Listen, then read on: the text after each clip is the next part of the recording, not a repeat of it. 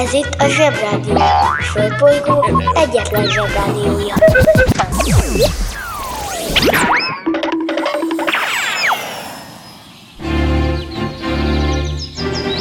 Zsebrádió! Zsebrádió. Itt a Földön és külföldön.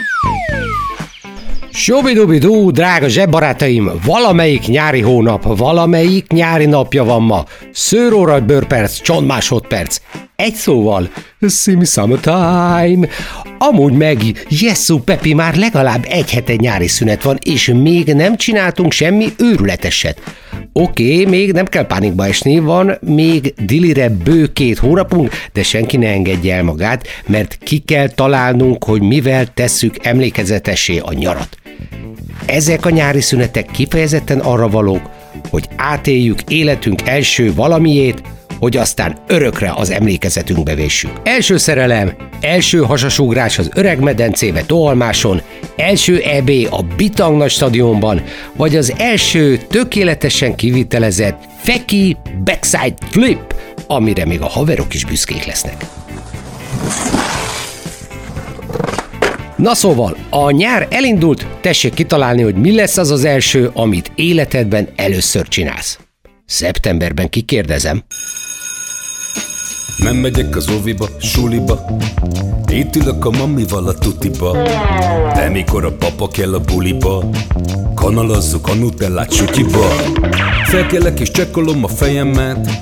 Reggelinél mindig van a jelenet. Átöltözés, nyuszis, papucsettetés Fogmosásnál mindig van a nevelés. Reggelente én vagyok a csoda Cuki-muki odaadó tünnemény A nagy itt a tenyeremből letettem De délutára elfogy már a türelem. Vége a napnak, a család meg fárad Ma sem jött el a mancsőrjára Mi volt a házi? Jól emlékszem Csak a zsebit hallgatom, kérem szépen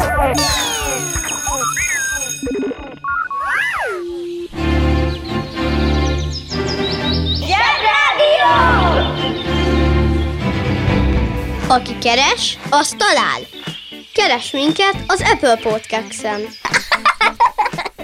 A felnőttekkel az a baj, hogy azt hiszik, hogy ha már egyszer felnőttek, akkor ők már nem lehetnek gyerekek, vagy már olyan régóta felnőttek, hogy talán nem is voltak gyerekek. Most mondom, ez totál hülyeség.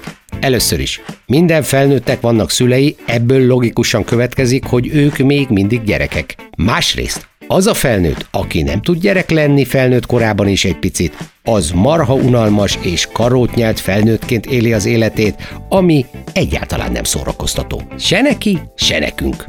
Nektek, zsebrádió hallgatóknak adok egy jó tanácsot, ha ilyen savanyú Jóska felnőttel találkoztok. Kérdezzétek meg tőle, hogy mikor csinált utoljára valamit életében először. Nagyon valószínű, hogy nem fog tudni válaszolni a kérdésre, és az is nagyon valószínű, hogy el fog rajta gondolkodni, hogy ugyan vajon miért nem csinált. Hát, megmondom én nektek, mert elfelejtett gyerek maradni. Mivel valamelyik nyári hónap, valamelyik nyári napja van ma, ezért ezer százalék, hogy ma valakinek névnapja van. Ezúton is kívánok hivatalos zsebrádió szinten boldog névnapot azoknak, akikről nem tudjuk, hogy hogy hívják őket, de hogy nagyon szép nevük van, az egészen biztos. A banja, maharadja, halandja? Fura felnőttek, még furább mondásai. Kicsípte magát, mint Szaros Pista Jézus neve napján. Ohó, hát ez most vicces lesz. Kevés olyan rejtélyes mondat van a magyar nyelvben, mint ez a mondás, hogy XY kiöltözött, mint Szaros Pista Jézus neve napján. Ki az a Pista? Miért szaros? Miért olyan fontos neki Jézus neve napja, hogy úgy kiöltözzön? És mikor van egyáltalán Jézus neve napja? Nos, mikor elkezdtem felderíteni ezeket a hatalmas rejtélyeket, őszintén szólva, a legtöbbnél lukra futottam. De legalább azt már tudom, hogy mikor van Jézus neve napja. Január másodikán. Legalábbis egyes hagyományok szerint. Mások január első vasárnapjára, megint mások az új év napjára teszik az ünnepet. A január másodika viszont elég sok forrás szerint számít Jézus neve napjának. Úgyhogy január másodikán tessenek csak kiöltözni. Ha hallottál olyan furamondást, amiről nem tudod, mit jelent, küld el nekünk, és mi elmondjuk neked.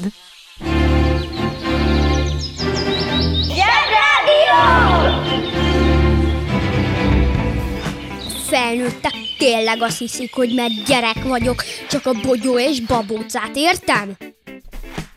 Annak rendje és módja szerint nyáron nyár van és nyári szünet, így annak rendje és módja szerint minden évközben megszokott rendet és rendszert, szabályt és szokást, hát, ha nem is fel kell rúgnunk, de finoman odébb taszajtanunk. Majd szeptemberben elővesszük, és szomorúan nézzünk rá, mint egy átázott és görbén megszáradt bőrcipőre. Így vagyok ezzel én is, úgyhogy a megszokott tematikát beteszem a spejzba, valahova a ráncos krumplik mögé, és előveszem a nyári műsorrendet, ami kb. úgy néz ki, hogy arról beszélek, amihoz kedvem van.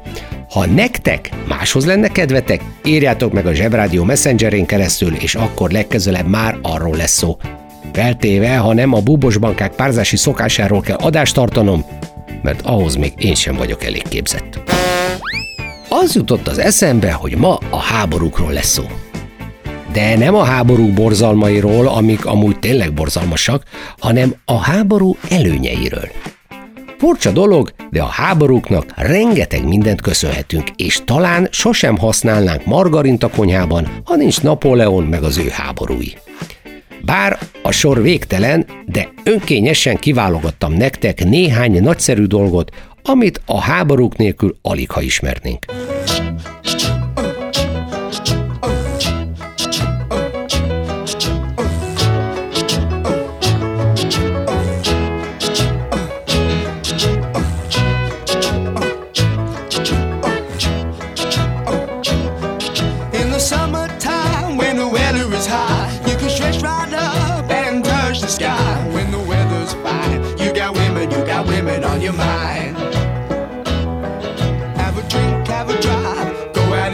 What you can find.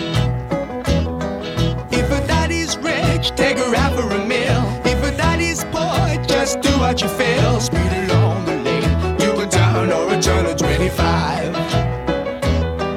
When the sun goes down, you can make it, make it good and live by.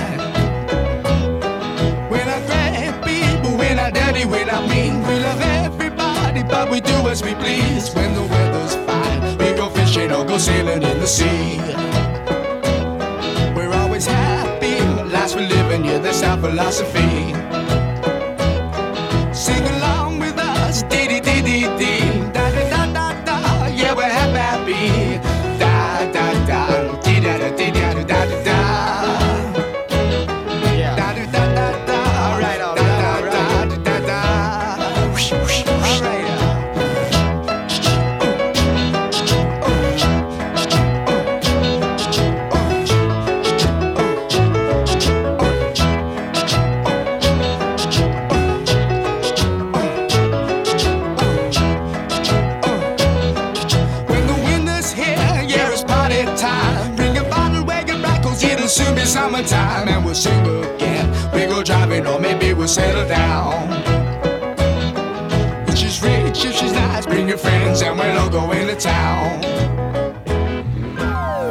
Interneten minden is kapható. Vásároljon kabócát!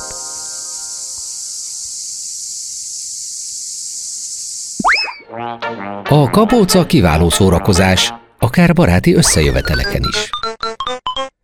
A műsorszám Kabóca. megjelenítést tartalmazott.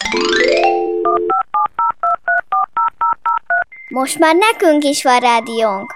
Közi Telekom! Jó fej vagy! Tervezünk egy délutánt is. Együtt, veled.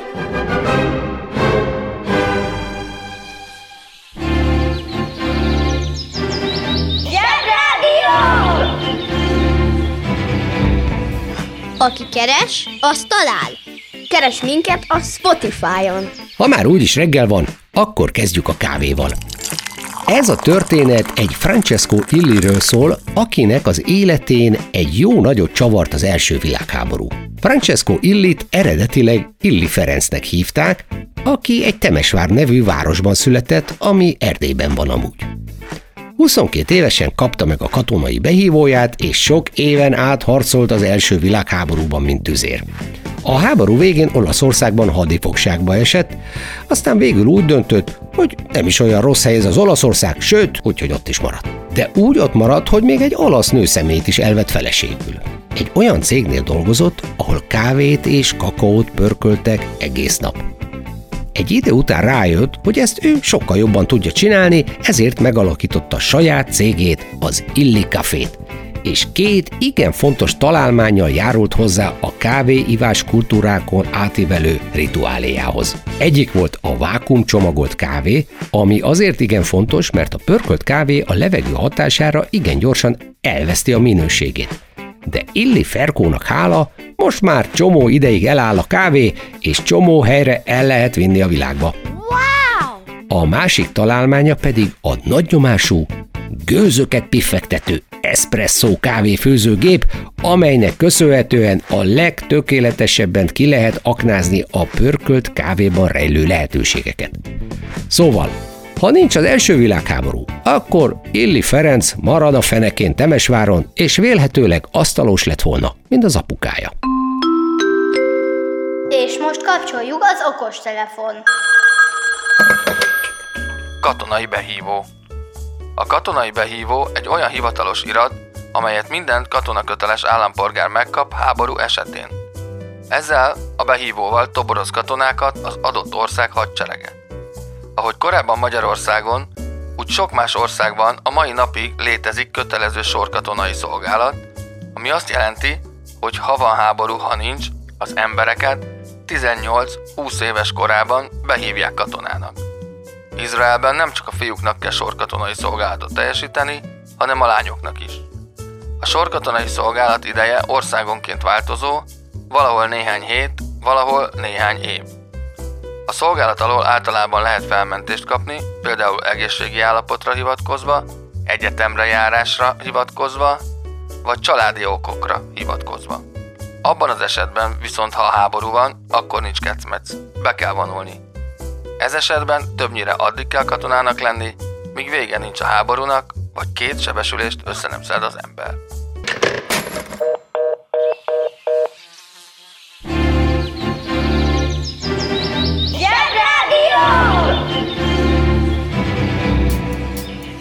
Zsebrádió. Ától zéig. Az éjszakai boszorkányok legendája. A háború eleve egy nagyon szomorú, végletekig felnagyított és dühös veszekedés, amiben nagyon sokan meghalnak, és nem nagyon találunk benne jó dolgot keresve sem. A második világháborúban meg aztán pláne. Viszont a háború pár dologra biztosan megtanítja az embert. Túl kell élni bármi áron, és még a legrosszabb helyzetből is van kiút, ha az ember összeszedi a kreativitását. Így történt ez bizony a nőkkel, asszonyokkal és lányokkal, hiszen régebben nem volt túl sok választásuk, más világ volt. Otthon kamillázva várhatták az apjuk, fivéreik, férjük hazatérését. Lévén, hogy a férfiak többsége a fronton volt, a nőkkel töltötték fel a gyárakat, és repülőt meg tankot készítettek, építkezéseken dolgoztak. Aztán rájöttek, hogy ez nekik bizony megy, és egyesek már be is akartak állni a seregbe, harcolni. Mivel fogyóban volt a pasi készlet, az országok vezetői azt mondták, hogy jó. Az első, aki ezt engedte, a Szovjetunió volt. Az Amelia Earhartként emlegetett Marina Raskova pilóta rögtön szervezkedni kezdett. Ez azért is volt nagy dolog, mert addig, ha nőként katonaságba jelentkeztél, max ápolónő lehettél. De akkor minden megváltozott. A női katonai ezred kiképzése megkezdődött, és összesen három csapat alakult, amiben voltak nők, de volt egy, ami különleges volt. Az éjszakai boszorkányok, a kizárólag nőkből álló szovjet bombázóraj. A csajok annyira belejöttek a katonáskodásba, hogy a három éves tananyagot elsajátították fél év alatt, az egyenruhájukat átszapták, virágokkal díszítették a repülőiket, a navigációs ceruzával sminkeltek, és közben olyan hatékonyak voltak, hogy az ellenfél egyenesen rettegett tőlük. De miért? Mert szinte minden felszerelésük elavult volt, beleértve a repülőgépeket is, amiken nem volt sem radar, sem rádió, de még egy árva géppuska sem, csak térkép, cerka, iránytű, zseblámpa, és maguk szereltek mindent. Mégis sikerre vittek 30 ezer rajtaütést, és temérdekbombát dobtak le az ellenségre. Úgy tartják, hogy a célpont fölé érve a női pilóták kikapcsolták a motort, és szinte hangtalanul siklottak, mintha seprű nyélen lovagolnának az ellenség fölött. Még olyan plegykák is elterjedtek, hogy a szovjetek különleges kísérleteket végeztek női katonákkal, hogy látásukat élesebbé tegyék, mint a macskáknak. Ez persze nem volt igaz, de a veszély nagyon is valósnak bizonyult, és nem kellett sok idő, hogy a katonák rettegjenek. A bosszik a lassabb gépeikkel ügyesebben manővereztek, mint az ellenség. Kicsik voltak, halkak, furfangosak, és rendszeresen kacaráztak közben. Az ellenség a gyorsabb repülőkkel gyakrabban fordult, ez alatt pedig az éjszakai boszorkányok csak úgy hangtalanul, néha egy-egy nevetést hallatva eltűntek a sötétben. Röviden szólva, a háború még ha ilyen hülye módon is, de elősegítette a nők egyenjogúságát, emancipációját, megbecsülését, és azóta is, ha egy lány katona szeretne lenni, akkor bizony lehet katona is. Vagy éjszakai boszorkány.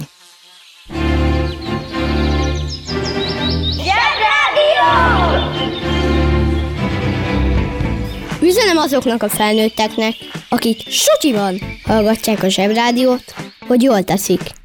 Mondok nektek egy nagyon érdekes és elgondolkodtató dolgot. A világon először felszállt repülő és a holdra szállás között összesen 66 év telt el. Mégis, hogy a búbánatban van ez? Hát úgy, hogy a két időpont között volt két világháború. Az első, meg a második. Na, vegyük szépen sorba, hogy is volt ez. Na szóval, ez az egész úgy kezdődött, hogy volt egy testvérpár, Orville és Wilbur Wright, akik Amerikában éltek és bicikliszerelők voltak. Nagyon izgatta őket a repülés, és rájöttek, hogy a repülés elméletéről leírt dolgok többnyire hibásak, így belekezdtek egy saját fejlesztésű repülőgép megépítésébe. Végül 1903. december 17-én felszállt a Flyer egy nevű repülőgépük, és, most nagyon kapaszkodjál meg, 39 métert repült. Tehát 1903-ban ez a 39 méternyi repülés volt az emberiség legkiemelkedőbb teljesítménye a légi közlekedés terén. De hogy a fenébe lett ebből 66 évvel később egy 360 ezer kilométeres repülés a világűrön át egészen a holdig? Hát úgy, hogy 11 évvel később jött az első világháború. Ekkor már a repülés picivel jobban állt, a repülők akár már 39 kilométert is tudtak repülni. A katonák hamar rájöttek, hogy a repülőgépeket remekül lehet használni a háborúkban. Először még csak légi felderítést végeztek velük, aztán a pilóták pisztolyjal lövöldöztek egymásra, meg olykor kézi gránátot dobtak az ellenségre. Ezt nevezték annak idején légi csapásnak. Ha-ha-ha. De mire négy évvel később véget ért a háború, a repülőgépek igazi csatagépekké váltak, a repülőmérnökök elképesztő újításokat találtak ki, a pilóták pedig addig sosem látott repülési módokat fejlesztettek ki. Húzd meg jobban, menj el a munka, aki itt van, mindenki húzza. Mi lesz, ha nagy leszel? Repülőmérnök. A mérnök megnevezés eredetileg földmérőt jelentett. A mérnök szó a mai értelemben vett jelentését a 19. században nyerte el, amikor az ipari forradalom rengeteg addig nem létező szakmát hívott életre. Ezek egyike volt a mérnök, amely a technika fejlődésével szakosodott például gépészmérnökre, vegyészmérnökre, építészmérnökre, a repülés megjelenésével pedig repülőmérnökre. Egy repülőmérnöknek egyaránt jól kell ismernie a matematikát, a fizikát, ezen belül az aerodinamikát, de a különböző anyagok, fém ötvözetek tulajdonságait is kívülről kell fújnia. És persze az se baj, ha egy repülőgép vagy egy helikopter nem ronda. Working in a coal mine, going down, down, down. Working in a coal mine, about to step down. Working in a coal mine, going down, down, down.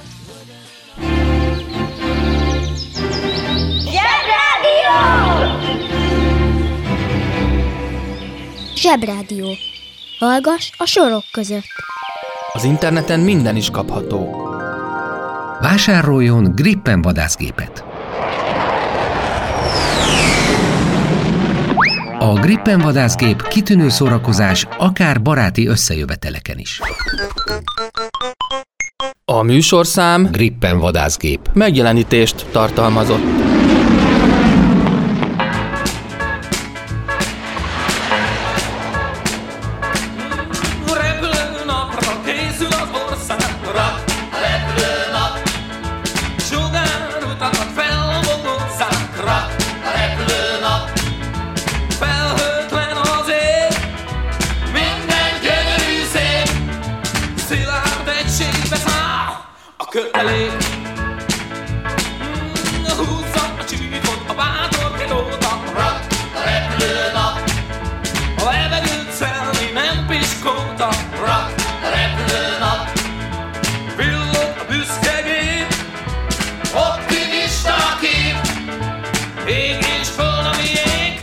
A. Nagy nap, a repülőnap, komoly nagy nap, a repülőnap, én nagy nap, a repülőnap, sport és szenzáció.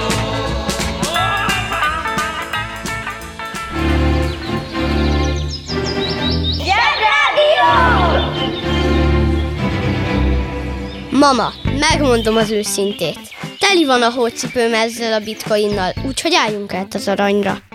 Aztán jött a második világháború, ahol már a repülők nem voltak elegek, kellettek a rakéták. A németeknek volt egy rakétatudósuk, akit úgy hívtak, hogy Werner von Braun, és történetesen ő volt akkor a világ legjobb rakétatudósa. A háború végén amerikai hadifogságba esett, és amikor az amcsik megtudták, hogy ő a világ legjobb rakétatudósa, nagyon megörültek neki. Annyira megörültek, hogy még azt is elfelejtették, hogy néhány napja még ellenségek voltak. Von Braun Amerikába költözött, és most már Amerikában volt a világ legjobb rakétatudósa. A harmadik világháború csak papíról létezett, és úgy hívták, hogy hidegháború. Ebben a háborúban már nem fegyverekkel harcoltak, hanem egyéb más módokon. Például kitalálták, aki előbb jut a holdra, az a menő jenő. Na persze, eddigre már Werner von Braun rég a NASA-nál dolgozott, még az igazgatója is volt egy időben, és megépítette a Saturn 5 nevű rakétát, amivel az amerikai űrhajósok 1969. június 16-án leszálltak a Holdon. Most pedig következzen a Zsebrádió programajánló!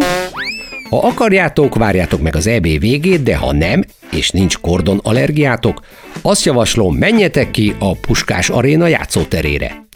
Kettő is van belőle, egy a gyerekeknek, egy a felnőtteknek. A tervezők nem bízták a véletlenre. Nem csak egy bazió játszóteret építettek csőcsúszdával, meg 5 méter magas megmászható pókhálótoronnyal, de a játszó mellett közvetlenül van egy kávézó is. Úgyhogy, ha a nagyi kitikkad, le tud ülni egy cappuccino mellé. De ha már ott vagytok, mindenki nézze meg a szoborparkot is, ami igaz, mai szemmel nehéz értelmezni, de az 50-es években még jó ötletnek tűnt a puskatussal egymást agyonverő katonák szoborcsoportja.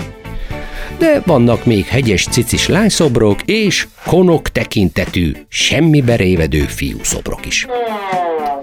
Búcsúzik a Zsebrádió valamelyik napi nyári adása. Szevasztok! Az anyukáknak pedig csókmámor szenvedély.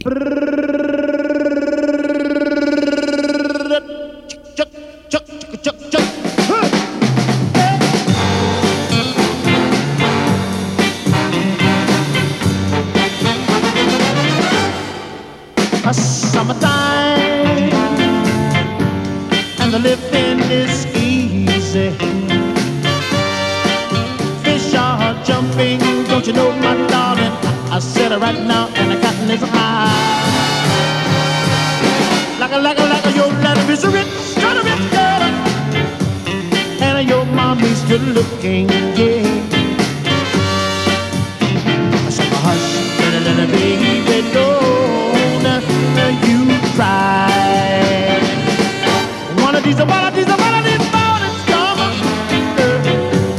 You're gonna rise, you're gonna rise up singing. little me.